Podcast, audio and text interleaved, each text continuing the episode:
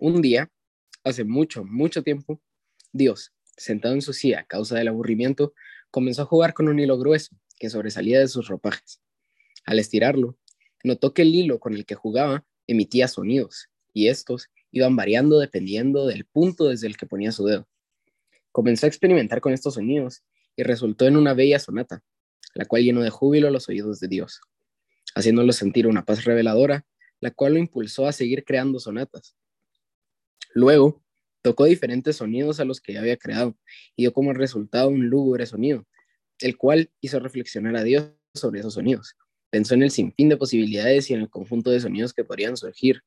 Pensó en las emociones que estos sonidos podrían expresar y en todo lo que podría traer estos sonidos.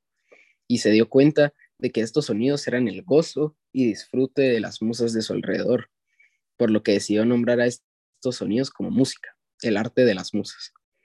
Como Dios iba tomando nota de cómo interpretar las sonatas que creaba, decidió nombrar a cada uno de los sonidos como notas, las cuales, si se agrupaban, podrían crear una hermosa canción. Pero él estaba seguro de que ese hilo no era lo único que podía emitir sonidos bellos, por lo que buscó más objetos y distintas figuras a su alrededor para comprobar que estos no emitieran sonidos capaces de coincidir con las melodías creadas con el hilo. Conforme pasaba el tiempo, Dios continuó experimentando con una gran variedad de objetos inanimados, buscando sonidos distintos. Poco a poco fue reuniendo cada vez más y más objetos que emitían sonidos y estos los nombró instrumentos. Por ejemplo, un día una tortuga le prestó su caparazón, el cual empezó a golpear con sus manos y se pudo escuchar un sonido pulcro y bello. Así nacieron los instrumentos de percusión. También, otro día, Dios comenzó a soplar distintos objetos con agujeros y pudo notar que con el flujo de aire correcto, estos objetos podían emitir sonidos con distintas tonalidades, dependiendo del material y el tamaño del objeto. Y así nacieron los instrumentos de aire. Con todos estos instrumentos ya creados, Dios decidió perfeccionarlos para encontrar los sonidos más armoniosos con el objetivo de crear la melodía más bella jamás escuchada.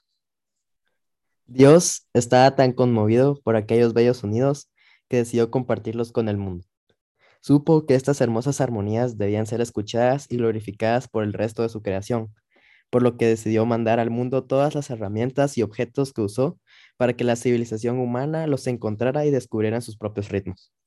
Desde entonces, la música, los ritmos, los instrumentos, las armonías han caminado de la mano con la humanidad a través de la historia siendo una parte fundamental de sus culturas y civilizaciones.